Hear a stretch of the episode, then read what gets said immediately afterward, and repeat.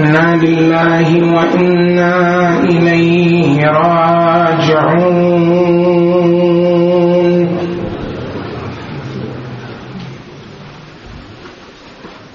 صلى الله وسلم عليك سيدي ومولاي يا أبا عبد الله وعلى الأرواح التي حلت بفنائك.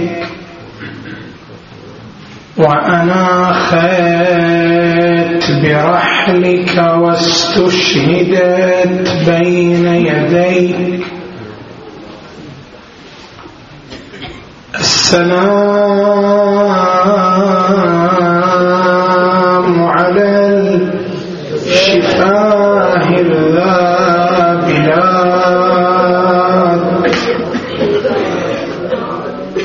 السلام على رؤوس المشعلة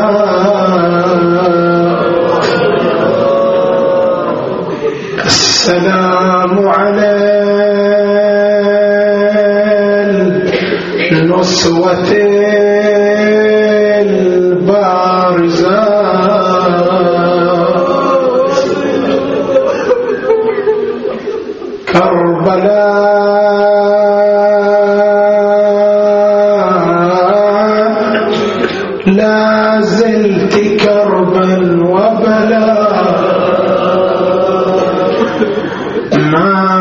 الرحيم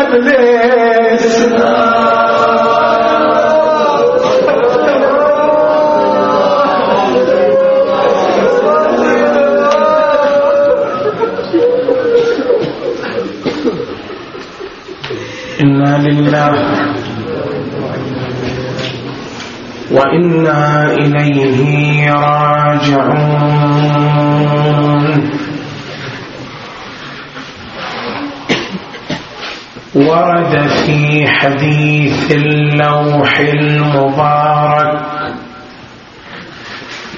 عن الله سبحانه وتعالى.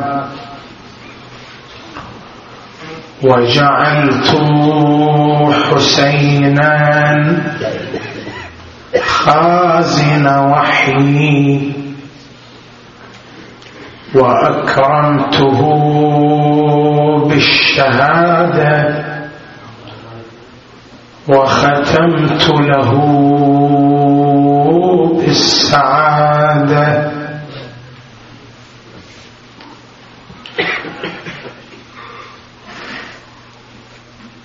هذا المقطع المبارك هو جزء مقتطع من حديث اللوح. الذي أنزله جبرائيل بأمر الله على الصديقة الطاهرة الزهراء عليها السلام. ويشتمل حديث اللوح على ذكر أسماء المعصومين عليهم السلام جميعا وذكر ما يتمتع به كل معصوم من المعصومين من, من الخصوصيات التي يمتاز بها. والمقطع الذي قرأناه هو المقطع الذي يتحدث فيه الله عن الحسين. وجعلت حسينا خازن وحيي وأكرمته بالشهادة وختمت له بالسعادة. حتى نفهم المقصود من هذا الحديث لا بد من بيان مقدمات ثلاث. المقدمة الأولى ما هو المقصود من الخازن؟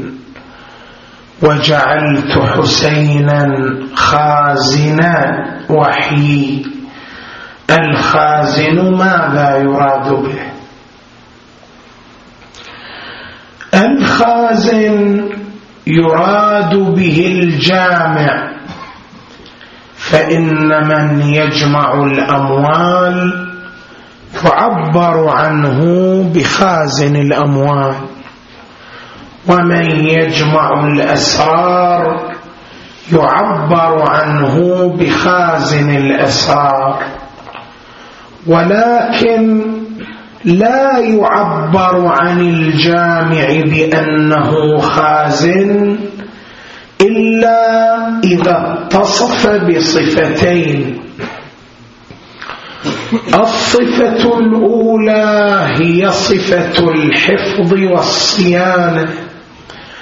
وأما لو كان الجامع لا يحفظ ما يجمع لا يعبر عنه. بأنه خازن. لو كان الجامع لا يصون ما يجمع لا يعبر عنه بأنه خازن. فالصفة الأولى هي صفة الصيانة والحفظ. الصفة الثانية هي صفة العلم والتدبير. إذ أن الجامع لو كان في نفسه أمينا وحافظا ولكنه لم يكن مدبرا للحفظ. هل يقال له خازن؟ يذهب ما يجمعه هباء منثورا. هو جامع وهو حافظ في نفسه. ولكنه لا يمتلك خبرة الحفظ لا يقال عنه بأنه ماذا؟ خازن. إذا الخازن هو الجامع لشيء إذا تمتع بصفتين الصفة الأولى صفة الحفظ والصيانة الصفة الثانية صفة العلم والتدبير والخبراء ولذلك يقول القرآن الكريم على لسان نبي الله يوسف على نبينا وآله وعليه أفضل التحية والسلام قال اجعلني على خزائن الأرض إني حفيظ عليم. يعني أنني أرشح نفسي للخزانة لأنني أتمتع بماذا؟ بصفتين. إحداهما صفة الحفظ والصيانة والأخرى هي صفة العلم والخبرة. هذا معنى كلمة الخازن. المقدمة الثانية ما هو المقصود من كلمة الوحي؟ وجعلت حسينا خازن وحيي الوحي ما هو؟ الوحي أمر غيبي مجهول الكنه الوحي حقيقته ما هي لا يعلم بها أحد إلا الله والراسخون في العلم. ولكن هذه الحقيقة التي هي مجهولة الكون نحن نتعرف عليها من خلال خصائصه. الوحي حقيقته ماذا؟ لا ندري. ولكننا ندري ببعض خصائص الوحي. الوحي له خصوصيتان. الخصوصية الأولى أنه نحو من أنحاء العلم الإلهي. هذه الخصوصية أشار إليها القرآن الكريم. وما ينطق عن الهوى إن هو إلا وحي يوحى علمه شديد القوى. فالقرآن يقول بأن الوحي الذي يوحى ماذا؟ علم علمه شديد القوى. إذا الوحي خصوصيته الأولى أنه علم إلهي. الخصوصية الثانية للوحي أنه كلام الله سبحانه وتعالى. الوحي كلام الله مع أنبيائه وأوصيائه وأوليائه. ماذا يقول القرآن الكريم عن هذه الخصوصية؟ وما كان لبشر أن يكلمه الله إلا وحيا أو من وراء حجاب. أو يرسل رسولا فيوحي بإذنه ما يشاء. هذه الآية ماذا تقول؟ هذه الآية تقول بأن كلام الله سبحانه وتعالى والمعبر عنه بالوحي على ثلاثة أنحاء. النحو الأول كلام الله من خلال الملك من خلال الرسول أو يرسل رسولا فيوحي بإذنه ما يشاء. كان النبي الأعظم صلى الله عليه وآله يتنزل عليه الوحي في بعض الأحيان عن طريق جبرائيل. وكان النبي صلى الله عليه وآله قد رأى جبرائيل مرتين بصورته الحقيقية. وفي بقية المرات كان يتنزل عليه على صورة دحي الكلبي لماذا على صورة دحي الكلبي يقول العلماء لأن أبدع صورة خلقها الله تعالى هي الصورة الإنسانية. الله تعالى خلق صورا كثيرة. خلق صورة الملك خلق صورة الجن خلق صورة الحيوان. ولكن أبدع الصور التي خلقها الله هي صورة الإنسان. صورة الإنسان أبدع حتى من صورة الملك فلما كان جبرائيل يتمثل بصورة إنسان كان يتمثل بصورة دحي الكلبي لماذا؟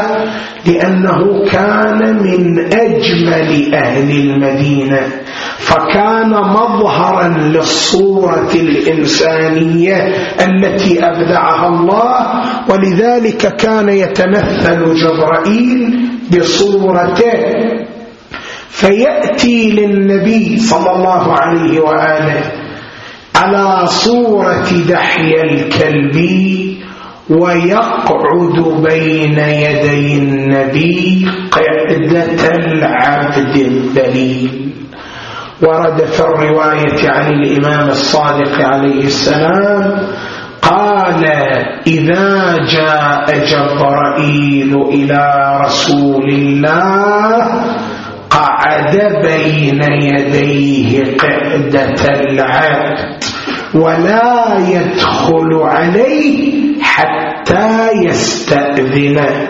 جبرائيل مهما على مقامه ومهما ارتفع شأنه يبقى عبدا من عبيد محمد. اللهم صل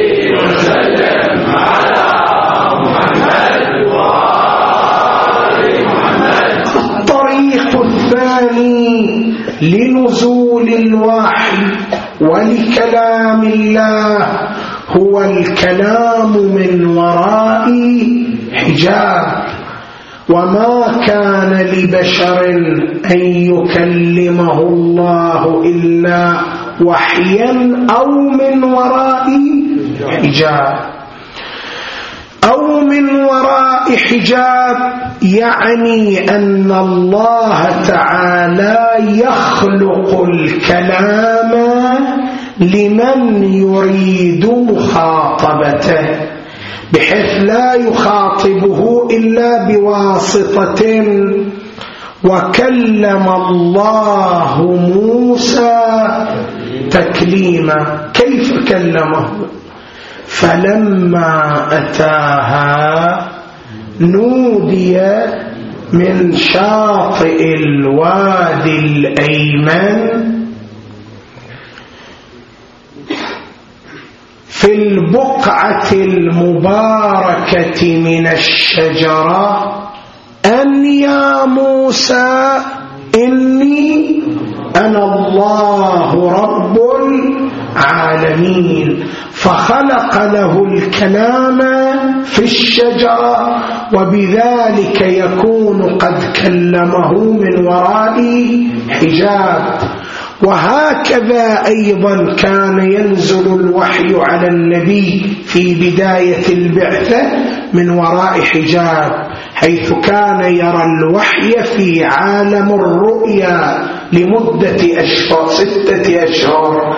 ولذلك ورد عنه صلى الله عليه وآله الرؤيا الصادقة جزء من ستة وأربعين جزءا من النبوة. الطريق الثالث لكلام الله ولوحي الله هو الوحي المباشر. ورد في الرواية عن عبيد بن زرارة عن زرار بن أعين رضوان الله تعالى عليه قال قلت لأبي عبد الله الصادق عليه السلام جعلت فداك ما الغشية التي كانت تصيب رسول الله صلى الله عليه وآله إذا نزل عليه الوحي؟ لأن غيرنا يقول بأنه كانت تأخذه الغشية إذا نزل عليه جبرائيل. ما الغشية التي كانت تصيب رسول الله صلى الله عليه وآله إذا نزل عليه الوحي؟ قال الإمام ذلك إذا لم يكن بينه وبين الله أحد. ذلك إذا تجلى له الله. عندما يتجلى الله لمحمد صلى الله عليه وآله ويلقي بالكلام في روعه وفي نفسه بشكل مباشر من غير واسطة ملك ومن غير واسطة حجاب حينئذ يغشى على رسول الله صلى الله عليه وآله. إذا وما كان لبشر أن يكلمه الله إلا وحيا طريق مباشر. أو من وراء حجاب عن طريق خلق الكلام. أو يرسل رسولا فيوحي بإذنه ما يشاء. إذا الوحي الإلهي له خصوصيتان. أولا أنه علم الله. الخصوصية الثانية أنه كلام الله تعالى. المقدمة الثالثة الوحي قسمان. القسم الأول وحي النبوة والتشريع.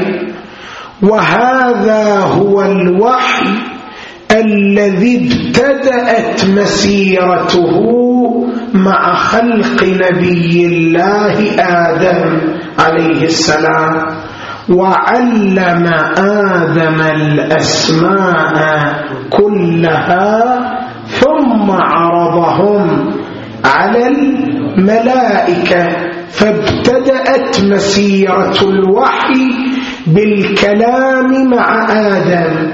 هذا هو وحي النبوة والتشريع. هذه المسيرة متى ختمت؟ ختمت عند قوله تعالى فأوحى إلى عبده ما أوحى وما ينطق عن الهوى إن هو إلا وحي يوحى.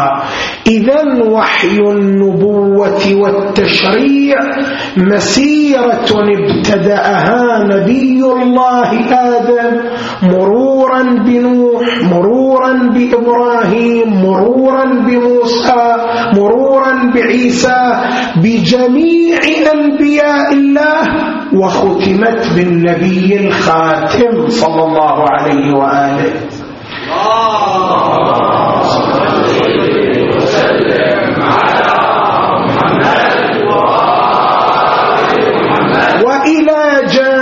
وحي النبوة والتشريع ما يعبر عنه بوحي الإلهام وهو الوحي الذي ينزل على الأولياء وأوحينا إلى أم موسى أن أرضعيه فإذا خفتي عليه فألقيه في اليم ولا تخافي ولا تحزني إنا رادوه إليك وجاعلوه من المرسلين.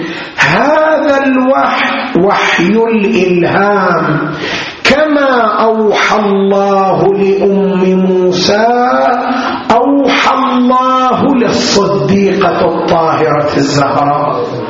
وكما أوحى الله للصديقة الزهراء أوحى الله للأئمة من آل محمد. وهذا الوحي وحي الإلهام يستمر ما دام خليفة الله موجودا على وجه الأرض. لماذا؟ لأن قناة الاتصال بين الله وبين خلقه خليفته وقناة الاتصال بين الله وخليفته ماذا؟ وحيه فما دام الخليفة موجودا لا بد أن يكون وحي الإلهام موجودا أيضا إذا فهمنا هذه المقدمات الثلاث حينئذ نفهم معنى قول الله وجعلت حسينا خازنا وحيي. شنو معنى وجعلت حسينا خازن وحيي؟ يعني أن الوحي الذي بدأت مسيرته منذ نبي الله آدم عليه السلام ومر بنوح وعيسى وموسى وإبراهيم ومئة وأربع وعشرين ألف نبي ثم انقطع بموت رسول الله صلى الله عليه وآله والوحي الآخر الذي يستمر إلى يوم القيامة كل هذا الوحي الذي هو علم الله جعلته في قلب الحسين كل علم الله الذي نزل من خلال الوحي جعلته عند سيد الشهداء. والحسين خازن هذا الوحي. خازنه يعني ماذا قلنا؟ الخازن هو الجامع. أي جامع؟ الذي يتمتع بصفتين الصفة الأولى صفة الحفظ والصيانة والصفة الثانية صفة العلم والخبرة يعني أن الذي جمع عنده كل وحي الأنبياء وهو حافظ لذلك الوحي وخبير به وعالم به هو قلب الحسين. لذلك أنت تقرأ في زيارة وارث. السلام عليك يا وارث آدم. صفوة الله. السلام عليك يا وارث نوح. نبي الله السلام عليك يا وارث إبراهيم. خليل الله. السلام عليك يا وارث موسى. كليم الله. السلام عليك يا وارث عيسى. روح الله.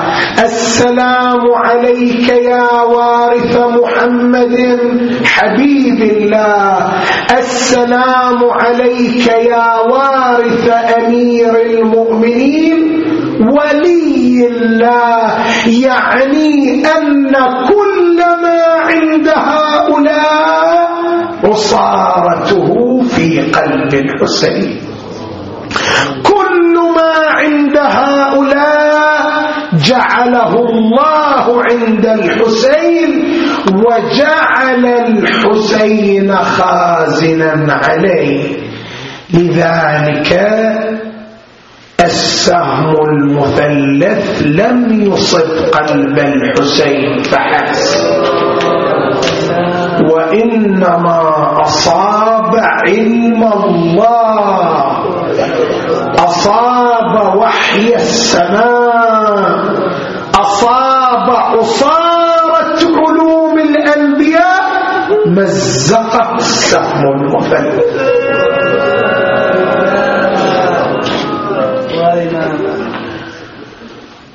سهم مثلث له ثلاثة رؤوس.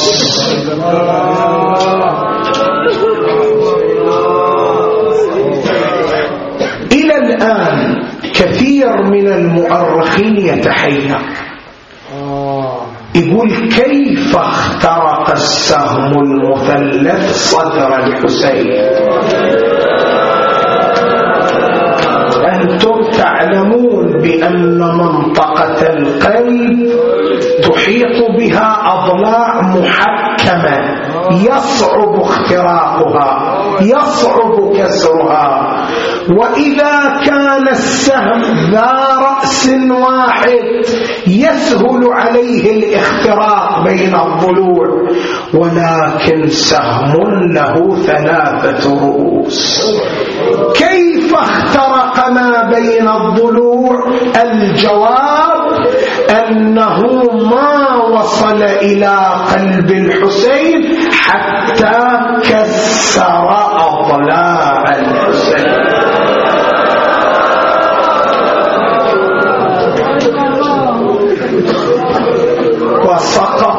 القلب المقدس.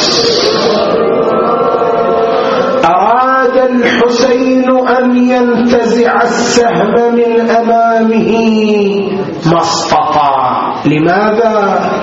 لأن دخوله بين الأضلاع لم يكن بطريقة مرنة حتى يسهل إخراجه من بين الأضلاع. فما الحسين أن يخرجه من بين أضلاعه. من يمينه ما استطاع. من شماله ما استطاع. الأضلاع الخلفية تكون أقل طراوة من الأضلاع الأمامية. تكون أسهل من الأضلاع الأمامية. لذلك مد يده وراء ظهره يعني ماذا مد يده وراء ظهره؟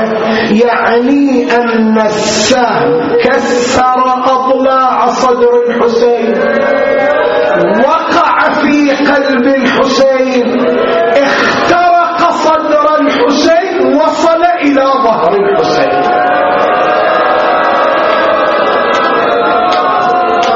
فلما مد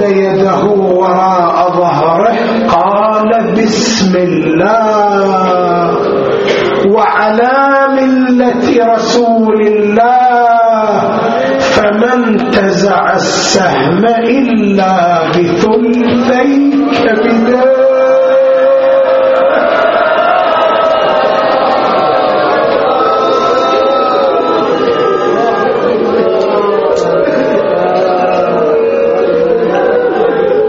وبانتزاع قلب الحسين انهارت قوى الحسين. من على ظهر جواده.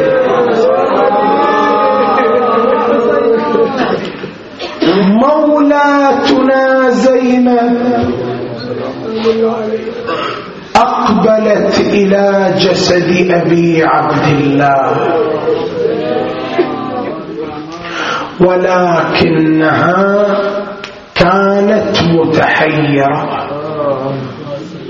لماذا كانت متحيرة؟ أولا أنا أبين لك أمرا أن القوم لم يكتفوا بتمزيق صدر الحسين.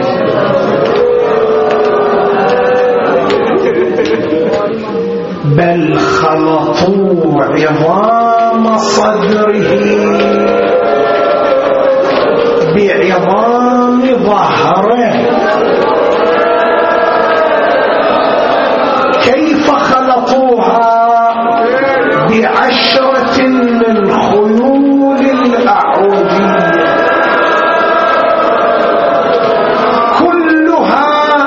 ألبسوها نعلا من الحديد.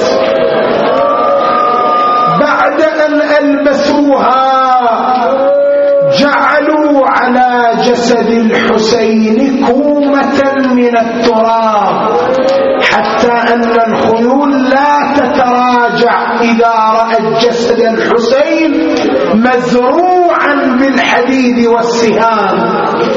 لما جعلوا جسد الحسين كومة من التراب نادى ابن سعد يا خيل الله اركبي وبالجنة ابشري ودوسي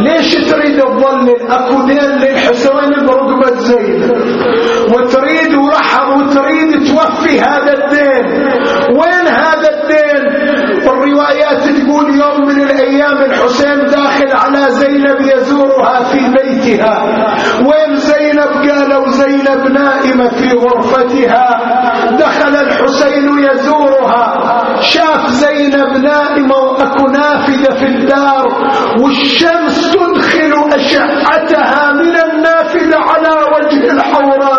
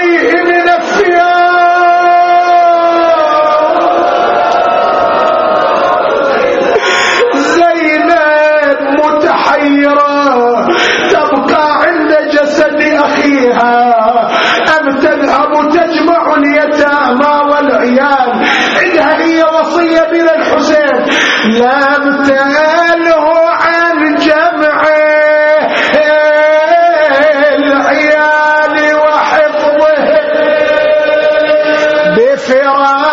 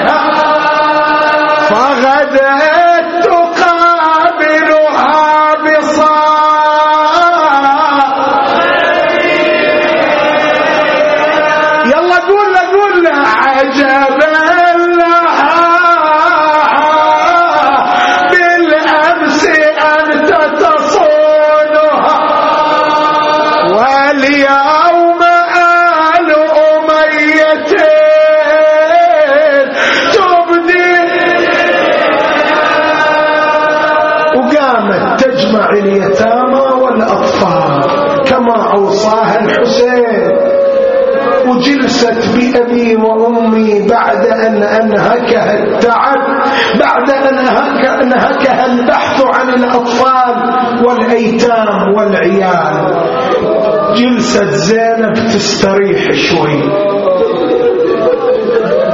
وإذا طفلة من أطفال الحسين أقبلت وهي تمسك شيئا ملفوفا في يده التفتت إليها زينب بني ما عندك؟ قالت عم هذا مصلى والدي الحسين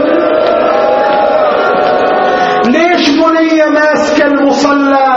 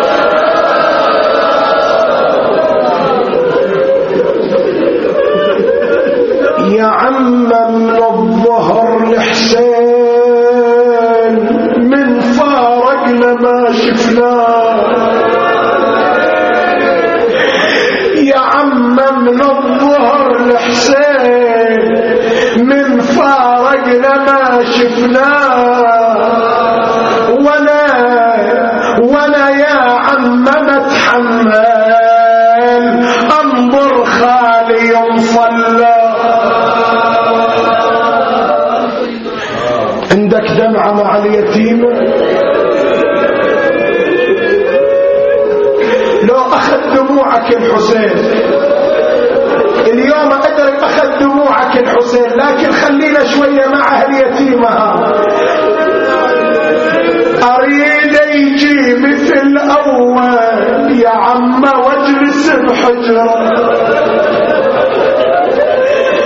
أريد يجي مثل أول يا عم واجلس بحجرة. ويمسح رأسي الناس ويسولف عن أم فاطمة الزهراء ما يرجع يا رقية.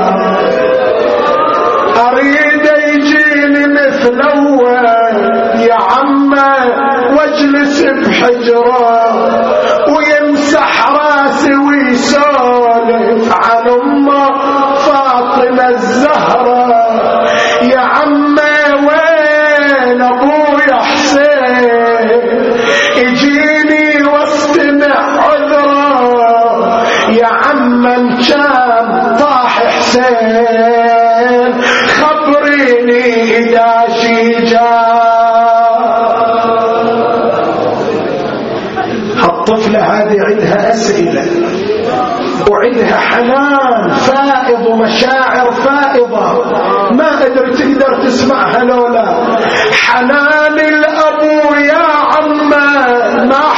يقدر يعوض انت على عيني وراسي عم زينبها لكن حنان الأبو يا عمة ما حد يقدر يعوض